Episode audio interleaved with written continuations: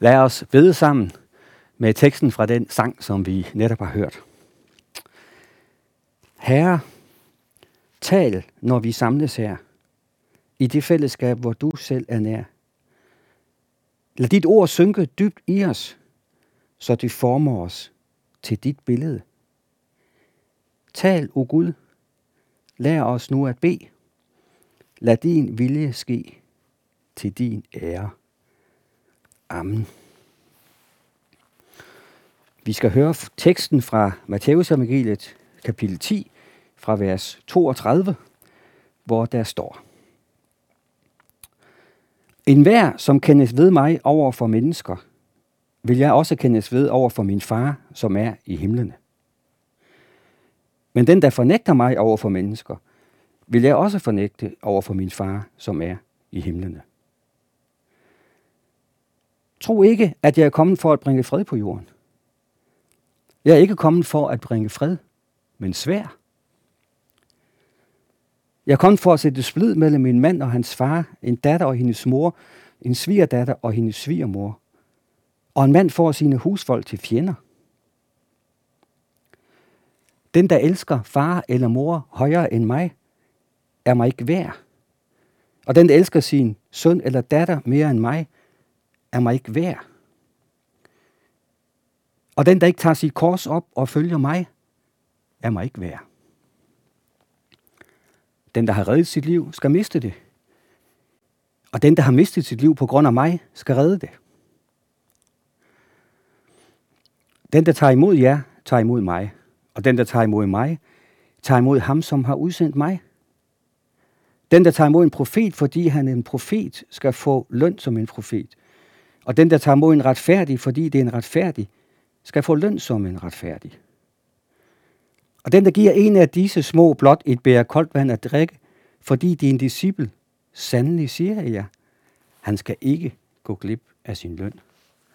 Amen. Hvad betyder allermest for dig? Prøv lige at overveje det et øjeblik. Hvad har størst betydning i dit liv? Jeg tænker, at vi hver især vil svare forskelligt på det spørgsmål. Men må ikke det for de fleste af os gælder, at vores familie og vores venner kommer ind med en topplacering. De betyder noget for os. De har værdi i vores liv. Og på den baggrund kan vi godt undre os over det, vi hører fra Jesus her. Det er nogle ord, som er barske og også provokerende, synes jeg. Den, der elsker far eller mor mere end mig, er mig ikke værd. Og den, der elsker søn eller datter mere end mig, er mig ikke værd. Hvordan skal vi forstå det? Er det ikke vigtigt at prioritere sin familie? Er det ikke Guds store gave til os? Er det ikke vores første prioritet? Jo, i en vis forstand er det. Men der er alligevel en prioritet, der er højere. Der er en kærlighed, der er vigtigere, siger Jesus. Og det er kærligheden til ham. Jesus må have førstepladsen i vores liv. Sådan er det at være disciple, og det er det, Jesus han gør klart her. Selv de stærkeste familiebånd til børn og ægtefælle må vige for båndet til Jesus.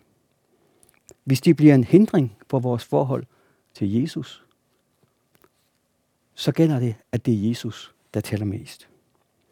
For en Jesu disciple er kærligheden til Jesus vigtigere end kærligheden til alle andre. Og Jesus han siger, den der elsker far og mor mere end mig, så handler det ikke om en eller anden intensitet i følelserne, sådan som vi måske kan opfatte det, men mere om det bevidste valg, vi træffer, at Jesus er den eneste. Han er den vigtigste i mit liv. Men siger Jesus, Jesus ikke, at vi, skal, at vi skal elske vores medmennesker som os selv? Gælder det ikke i særlig grad vores nærmeste? Jo, det gør det. Men førstepladsen er der kun én, der kan have i dit liv. Og det må være Jesus, hvis du er hans disciple. Men er det muligt at elske Jesus på den måde, spørger du måske. Jeg tror, vi finder nøglen til svar på det spørgsmål hos apostlen Johannes. Han siger i sit første brev, kapitel 4, vers 19, Vi elsker, fordi han elskede os først. Altså, vi elsker Jesus, fordi han elskede os først. Vi kommer til at elske Jesus, når det går op for os, hvor højt han har elsket os. Når vi stiger os blind på hans kærlighed til os. Det, det skaber kærligheden til ham i vores hjerter. I år har jeg fået en julekalender af min kone derhjemme.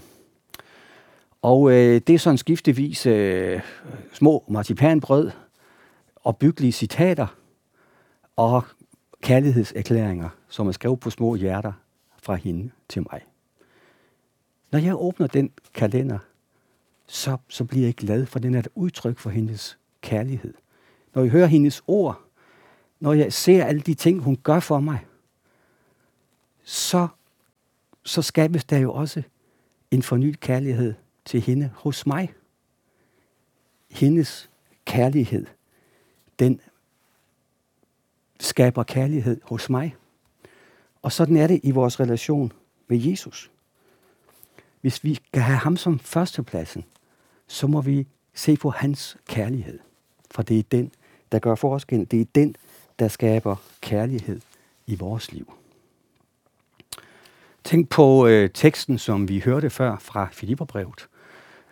Den tekst, som vi kalder for Kristus hymnen, hvor der står om Jesus, at han blev mennesker lig. Og da han var trådt frem som et menneske, ydmygede han sig og blev lydig ind til døden, ja døden på et kors. Jesus tog en tjeners skikkelse på. Det var det, der skete i julen at himlens kongesøn, ham der havde al magten, han blev et lille, hjælpeløst barn. Sikke en fantastisk kærlighed. Og han ydmygede sig selv og blev lydig ind til døden. Det var jo det, der skete i påsken mange år senere. Hvor Jesus, som var fejlfri fuldkommen, aldrig have gjort for, have gjort noget forkert, gik i døden for din og min skyld, for at give os evigt liv. Med disse få linjer forklarer Paulus, hvor uendelig stor Guds kærlighed er. Da Jesus gik omkring her på jorden, der kan vi jo se, hvordan han den ene gang efter den anden overvælder folk med sin kærlighed, med sin omsorg, med sin frelse. Og sådan er Jesus stadigvæk den samme. Det gør han også i forhold til os i dag som hans disciple. Og det er den kærlighed hos ham, som også kan skabe kærligheden i dit og mit hjerte. Han elsker sine disciple i dag, som han elskede sine disciple dengang. Han elsker os midt i vores virkelighed, midt i vores kampe. Han skaber kærligheden i vores liv. Jeg skal ikke, jeg skal ikke øh, frembringe en eller anden kærlighedsfølelse i mit hjerte for at gøre mig fortjent til at være en Jesu disciple. jeg er det på forhånd, fordi han har gjort det hele. Og jeg må fokusere på hans kærlighed, som skaber kærlighed i mit liv. Til ham, men, men også til, til min familie, til min omgivelse, til, min, til mine relationer. Og der behøver ikke nødvendigvis at være en modsætning mellem det, hvis Jesus er på førstepladsen. En klog mand har engang sagt, at det med kærligheden til Jesus, det kan sammenlignes med melodistemmen i et smukt stykke musik. Det er melodistemmen, det handler om, det er den, vi hører, det er den, vi, vi lægger mærke til og genkender.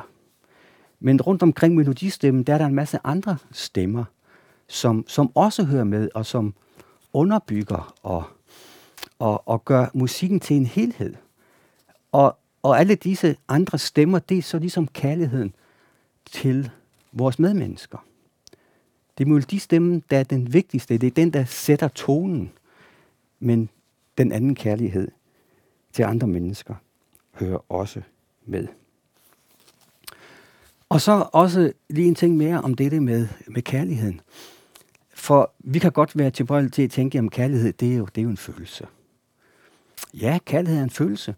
Men, men kærlighed er jo først og fremmest handlinger, eller den viser sig i hvert fald først og fremmest i handlinger. Jesus, han siger et andet sted, hvis I elsker mig, så hold mine bud. Hvis I elsker mig, så hold mine bud. Og det betyder jo, at vi må gøre det, Jesus siger, og vi må også have ham som forbillede i vores liv. I indledningen til Kristushymnen fra Filipperbrevet, som jeg refererede til lige før, der kan vi læse, at Paulus skriver sådan her i Filipperbrevet kapitel 2. Så gør min glæde fuldstændig ved at have de samme sind, ved at have den samme kærlighed med én sjæl og ét sind. Gør intet af selvviskhed og heller ikke af indbilskhed, men sæt i ydmyghed de andre højere end jer selv. Tænk ikke hver især på jeres eget, men tænk alle også på de andres vel. I skal have det sind over for hinanden, som var i Kristus Jesus. Og elske Jesus. Det er at have det sind over for hinanden, som var i Kristus Jesus. For nogle år siden var der mange børn og unge, som gik med sådan et, et armbind, hvor der stod WWJD, som betyder, what would Jesus do? Hvad ville Jesus gøre? Og det er en god sætning at minde sig selv om, når det handler om, og hvad det vil sige at elske Jesus. Ikke bare i ord, men først og fremmest i handling og gøre som ham. Men der er ikke bare tale om, at Jesus her siger, at vi skal elske ham højere end vores medmennesker og vores familie. Nej, Jesus han forbereder også i den her tekst sine disciple på, at modgang og modstand, det hører med til det at være en Jesu disciple. Endda fra vores allernærmeste. Tro ikke, at jeg er kommet for at bringe fred på jorden. Jeg er ikke kommet for at bringe fred, men svær. Jeg kom for at sætte splid mellem min mand og hans far, en datter og hendes mor, en svigerdatter og hendes svigermor, og en mand får sine husfolk til fjender. Det er da lidt mærkeligt, at, at evangeliet om Jesus, som er fredsstifteren, fredsfyrsten, at, at det skaber ufred. Det er jo ikke vores opgave som disciple heller at skabe ufred. Det afsnit, som vi har, har som tekst i dag, det er en del af en længere tale, som Jesus han holder, som vi finder i hele kapitel 10 i Matthæus evangeliet, øh, som han holder for sine disciple, fordi han sender dem ud for at forkynde evangeliet og for at helbrede sygdom og lidelse. Og der siger han i vers 12, når I kommer til et hus, til et hus så ønsk fred over det. Og i bjergprædikenen siger Jesus jo sådan, særlig er de, som stifter fred.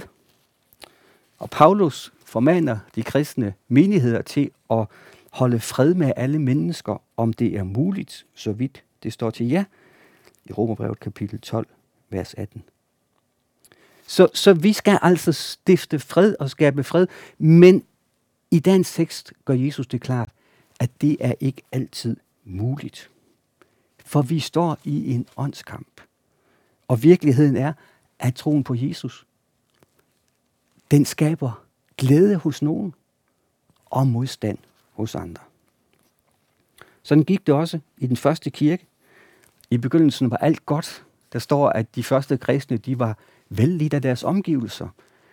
Den kristne menighed var som en magnet, der tiltrak mennesker. Men pludselig så vender folkestemningen. Og der udbryder forfølgelse, og disciplen må flygte ud af Jerusalem. Og det er et mønster, som vi finder i hele det nye testamente, hvor evangeliet kom frem, hvor Paulus for eksempel på sin missionsrejse forkyndte evangeliet, der var nogen, der tog imod, og der var nogen, der tog skarpt afstand, og det kom til konfrontation og forfølgelse af disciplene. Måske er det et mønster, som man ser allerstærkest i, i den første generation af, af nye kristne. Vi kan jo ikke så meget til det i dag, kan man sige, fra vores breddegrad, men, men ud over verden er der jo masser af mennesker, masser af kristne, som bliver forfulgt og må lide martyrdøden for deres tros skyld. Og herhjemme kender vi det jo mest, måske i virkeligheden bedst, fra, fra muslimer, som, som kommer her til landet og som bliver kristne, og som oplever, hvordan de bliver fuldstændig forkastet af deres familie og venner og stødt ud, og i nogle tilfælde jo ligefrem også efterstræbt på livet. De oplever den virkelighed, som Jesus han taler om her. Evangeliet vækker modstand, og det er en virkelighed, som Jesus forbereder sine disciple på. Men han knytter så også et løfte til det, når han jo siger, at den, der har reddet sit liv, skal miste det, og den, der har mistet sit liv på grund af mig, skal redde det. Jeg tror, at med det her, der vil Jesus lægge evighedsperspektivet ind over vores liv. Det er så vigtigt, at vi ikke bare vurderer vores liv her og nu ud fra denne sidighedens synsvinkel, som om det bare handler om, at vores liv slutter jo på et tidspunkt, og så er alt forbi. Nej, vi er evige væsener. Og vi, der tror på, Jesus skal leve evigt med ham. Og det handler om at bjerge det evige liv. Og det handler om at se det liv, vi lever nu, også i dette evighedens perspektiv. Vi skal som Jesu disciple altså have Jesus på førstepladsen i vores liv, og vi skal være forberedte på at møde modstand, også fra vores nærmeste, på grund af evangeliet. Det tredje, som Jesus fremhæver, det er så, at det er et kendetegn på at være Jesu disciple, at, at vi tager vores kors op og følger ham. Og den, der ikke tager sit kors op og følger mig, er mig ikke værd, siger Jesus. Hvad vil det sige at tage sit kors op? Ja, Jesus han hentyder her til korsfæstelsen, som jo var en barbarisk henrettelsesmetode. Og, og et af elementerne i korsfæstelsen, det var typisk, at, at den dømte selv bar tværbjælken til korset ud til rettergangsstedet. Og det kunne være en tung bjælke, og vi hører jo også øh, fra Jesu egen lidelseshistorie senere, at han bar bjælken, og den faktisk var så tung, at han ikke var i stand til at, at bære den hele vejen. Det var en del af, af torturen. At tage sit kors op og følge efter Jesus, det betyder altså at indstille sig på, at det kan koste livet at være en Jesu disciple. Sådan som Jesus jo også siger det tidligere i udsendelsestanden her i vers 24 og 25. En disciple står ikke over sin mester, og en tjener ikke over sin herre. Det må være nok for en disciple, når det går ham som hans mester, og for en tjener, når de går ham som hans herre. Hvordan gik det Jesus? Han døde. Og sådan må vi indstille os på, at sådan kan det også gå for os som disciple. Ikke bare, at vi kommer til at stå i ufred her i verden, men at det også kan koste livet.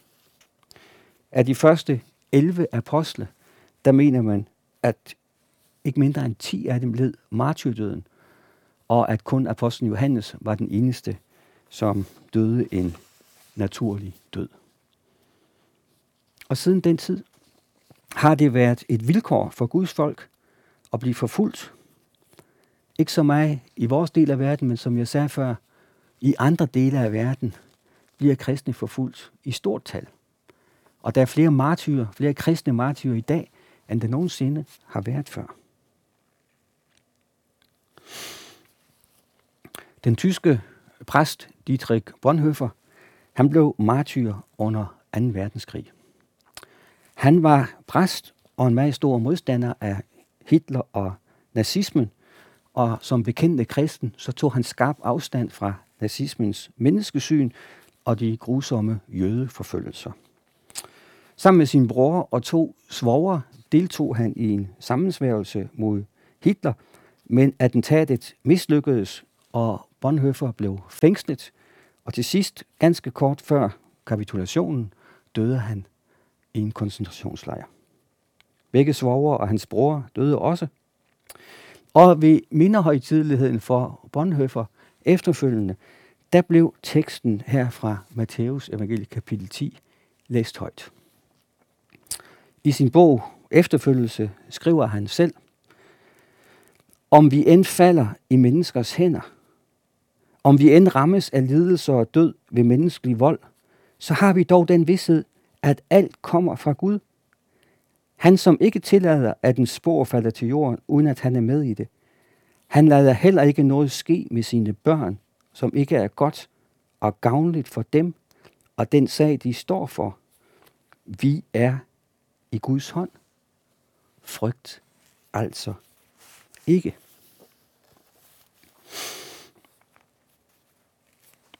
I Romerbrevet kapitel 8, der siger Paulus sådan her, vi ved, at alle ting virker sammen til gode for dem, der elsker Gud, og som efter hans beslutning er kaldet. For dem, han forud har kendt, har han også forud bestemt til at formes efter sin søns billede. Det er i virkeligheden det, det handler om. At vi som disciple formes efter Jesu billede. At vi kommer til at ligne ham. Og det bliver ikke nødvendigvis et liv i medgang og fremgang. For Jesus selv var det jo det modsatte. Og det er de vilkår, som vi også må indstille os på. Men, men når vi fokuserer på Jesu kærlighed og optager ham, så, så former han os efter sit eget billede indefra, fordi han ændrer vores hjerter. Nu er der måske nogen, der tænker, det var godt nok en dyster prædiken i dag. Er det virkelig så hårdt at være kristen? Ja, man kan sige, at der er i hvert fald ikke meget juleglimmer og juleromantik tilbage her anden juledag, når vi stanses af den her tekst.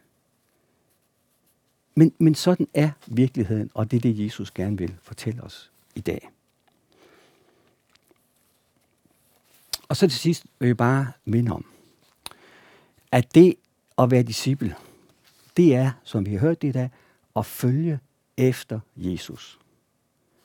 Men det er også, og, og måske endnu mere, at følges med Jesus. Og det er jo det, der gør den store forskel. Det er jo det, der er det inderste i disciplelivet, at vi følges med Jesus. Det oplevede apostlene jo også, da de døde som martyrer, at de fuldtes med Jesus også i den situation. Det oplevede de kristne, som blev kastet for løverne under de store forfølgelser øh, i Colosseum i Rom. At, at, at de døde med Jesu navn på deres læber, for de oplevede, at han var hos dem. Han var dem der. Lev dit liv med Jesus, og brug det på at følge ham og følges med ham. Det er ikke et liv uden problemer og afkald, men det er det evige liv, som begynder her og nu. Amen. Lad os bede sammen. Kære far i himlen, vi takker og priser dig, fordi vi må komme til dig nu. Og vi takker dig, fordi at vi må komme til dig som Jesu disciple. Tak, Jesus, at du har gjort det muligt for os at være dine disciple og følges med dig og følge efter dig. Herre, vil du hjælpe os til det. Amen. Modtag velsignelsen.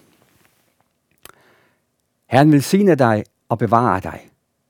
Herren lader sit ansigt lyse over dig og være dig nådig.